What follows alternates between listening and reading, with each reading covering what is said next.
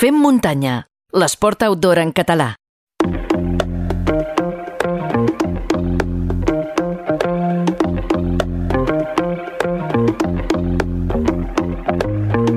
I entrem a la biblioteca del Fem Muntanya perquè ja sabeu que un llibre suposa per la ment el mateix que l'exercici pel nostre cos. Aquesta quarta entrega és la primera d'aquest 2022 de la nostra muntanya de llibres, que, com cada programa, ens acosta al Marc Cornet. Hola, Marc, com estàs? Què tal, Xavi? Bones i bon any, sobretot, també.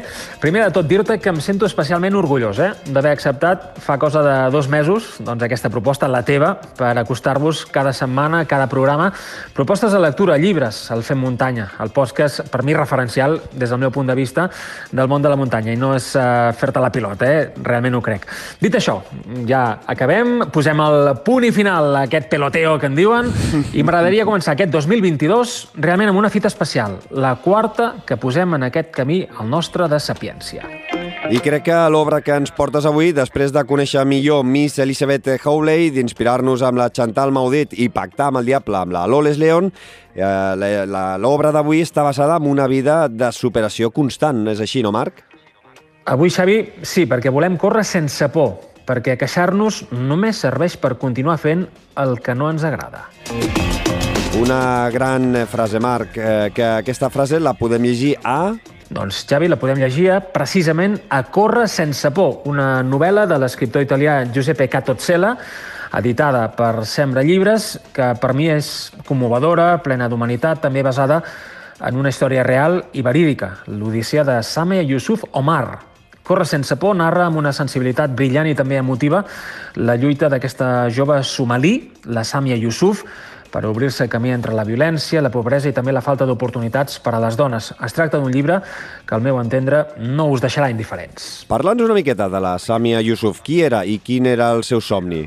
La Samia Yusuf, Xavi, era la nena més ràpida de tots els infants que corrien pels carrers de Mogadiscio, una Mogadiscio en guerra. Tots aquests nens i nenes doncs, van conviure amb la guerra des del seu naixement a la capital de Somàlia, una guerra, un conflicte molt evident i palpable en cada racó d'aquesta ciutat. Tots tenien por, menys la Sàmia. De fet, des de ben petita tenia una curiolla molt clara al cap, eh? perquè només amb 8 anys la comparteix amb el seu amic, l'Ali.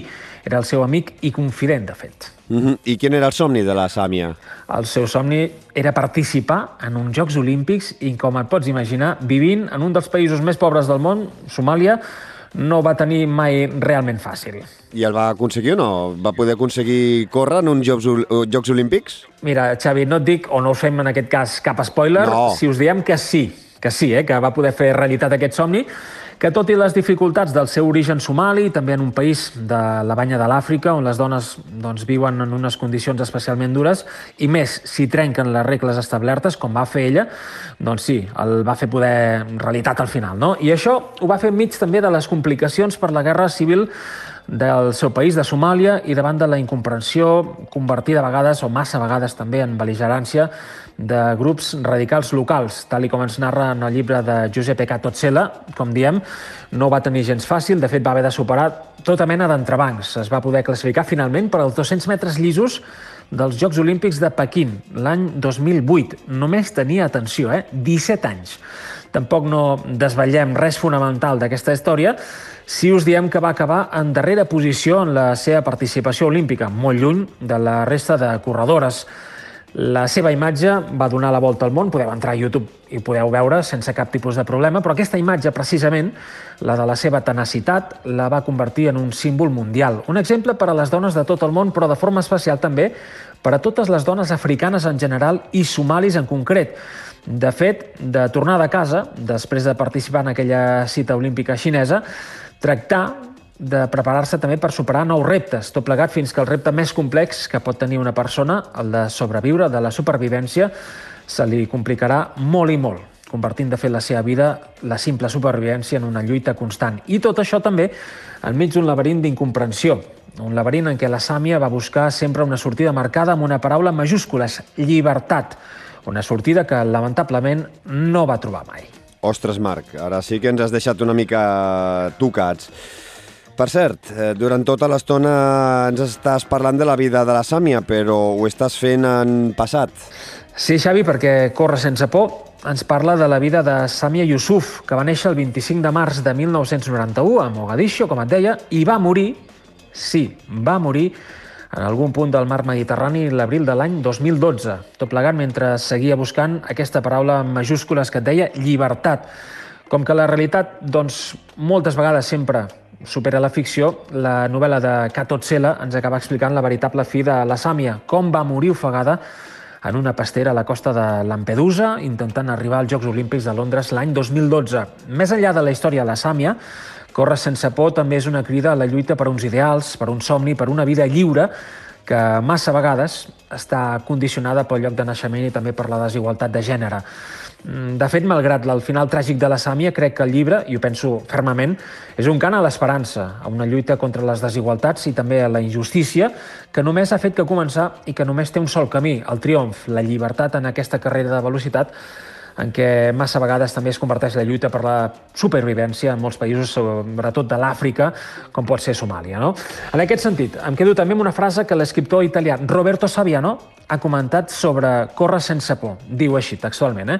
Giuseppe Catozzella construeix un món. Tu l'examines, l'observes, en resultes ferit, però quan el comprens també tens la sensació que aquestes pàgines t'han canviat. Veig que tu ja has rebut aquest canvi també, no, Marc? Eh, sí, Xavi, vaig llegir, de fet, Corre sense por, deu fer cosa de 6-7 anys, i ara quan l'he rellegit per preparar la secció d'avui he tingut la sensació que la frase de Saviano doncs, es tornava a fer realitat. No?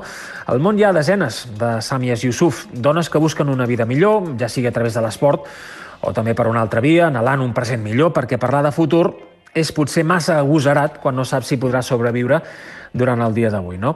És per això que Corre sense por segueix estant d'actualitat, segueix sent un llibre molt present que ens hauria de fer reflexionar per tal de poder construir una societat més justa, en què la igualtat d'oportunitats no sigui un mer missatge que quedi bé afegir en un discurs polític, que sigui una realitat. Però, com et deia abans, l'avís que ens acaba deixant la Sàmia Yusuf, també a través de la prosa de Giuseppe Catozzela, és una ensenyança d'energia, de certeses construïdes des de la incertesa. Per això mateix, m'ha semblat pertinent acostar-vos avui a aquest Corre sense por per acabar el 2021 i començar aquest 2022 amb un desig d'optimisme i esperança. Doncs, eh, Marc, moltíssimes gràcies per aquesta proposta, per aquesta quarta fita de la nostra particular biblioteca de llibres, una fita que amb propostes com la d'avui encara ens fan sentir encara més orgullosos d'aquest camí que anem traçant.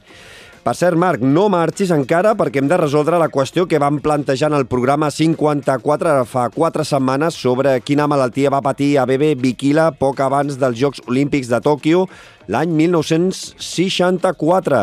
Vam deixar la resposta a l'aire ara fa dues setmanes, eh, vam donar festa, estaves de vacances i et mereixies doncs, aquest descans i avui resolem eh, la resposta a aquesta, aquesta pregunta i donarem el nom del guanyador. Quina és eh, la resposta a quina és la malaltia que va patir a Bebe Bikila? Mhm. -huh. Com la majoria dels que heu participat heu respost de forma correcta, doncs la resposta concreta i encertada és apendicitis. I és que a Bebe Bikila el van operar d'apendicitis només sis setmanes abans de córrer la marató dels Jocs Olímpics de Tòquio l'any 1964. Tot i això, recordem, aquesta dolença no li va impedir reeditar la seva medalla d'or i també tornar a batre el seu propi rècord del món en la distància dels 42 quilòmetres i 195 metres. I que en aquest cas va córrer amb sabatilles, eh? no com a Roma, Correcte, també. com 4 anys no abans que va, que va anar descalç. Doncs hem rebut 8 correus electrònics a femmuntanya.cat, tots 8 que hem rebut eh, són correctes, tots diuen que van patir apendicitis que el van haver d'operar i, a més a més, eh, diuen 40 dies abans, imagina't. Eh, Marc, tu mateix, un número, de l'1 al 8, el que vulguis. Sempre tinc molta predilecció, i em sap greu, eh? Pel número 7, sempre m'agraden molt. Pel número 7 els hem classificat eh, per ordre d'arribada. Eh, el número 7 és el penúltim que hem rebut i és el Pau, que diu Bon dia, la bebè Bikila, 40 dies abans dels Jocs Olímpics eh, de Tòquio va tenir una apendicitis, he escoltat tots els programes i espero que seguiu molt temps amb aquesta gran feina que esteu fent tots i us animo algun dia a tornar a parlar de l'interessant món dels reis d'aventura poseu un, passeu un molt bon Nadal i unes molt bones festes. Esperem doncs, que el Pau eh, també hagi passat eh, unes bones festes i que hagi tingut una bona entrada d'any 2022, que com a mínim s'emportarà un exemplar de Corrent cap a Viquila, a més a més dedicat pel seu autor, Marc Cornet, eh? Doncs, eh, a veure, eh, Marc, per encetar l'any, eh, volem tenir un gest també d'agraïment pels nostres Fem Muntanyeros i Fem Muntanyeres Premium, que programa, eh, rere programa confien en nosaltres i volem sortejar, si et sembla bé, un nou exemplar eh, de Corrent cap a Viquila i, com sempre, dedicat, eh, signat a, a, a mà alçada per tu. Quina és la pregunta que vols plantejar per entrar en aquest mm -hmm. nou sorteig? Doncs mira, Xavi, la pregunta és la següent. Cap a quin país africà va emigrar la Sàmia Yusuf per poder preparar-se per córrer als Jocs Olímpics de Londres el 2012?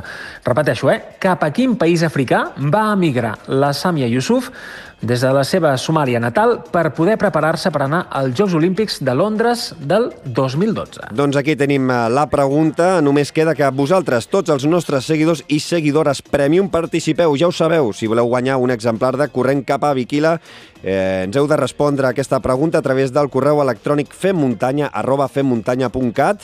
A quin país africà va emigrar Samia Yusuf, protagonista del llibre que hem parlat avui, Corre sense por, eh, per poder-se preparar els Jocs Olímpics de Londres 2012. És important que ens respongueu des de l'adreça de correu amb, els que, amb, el que, amb la que us heu fet subscriptors Premium. Teniu temps, atenció, fins diumenge 23 de gener i donarem el nom del guanyador o guanyadora d'aquí a 15 dies en el programa 57. Marc Cornet, com sempre, moltes, moltíssimes gràcies per tot i, sobretot, esperem que tinguis una molt bona entrada d'any. Cuida't, una abraçada. El mateix per vosaltres, Xavi. Moltes gràcies per la confiança. Us desitjo una gran entrada d'aquest 2022, ple de llibres, de llibertat i, com sempre, us dic, eh, salut, muntanya i, sobretot, molta lectura.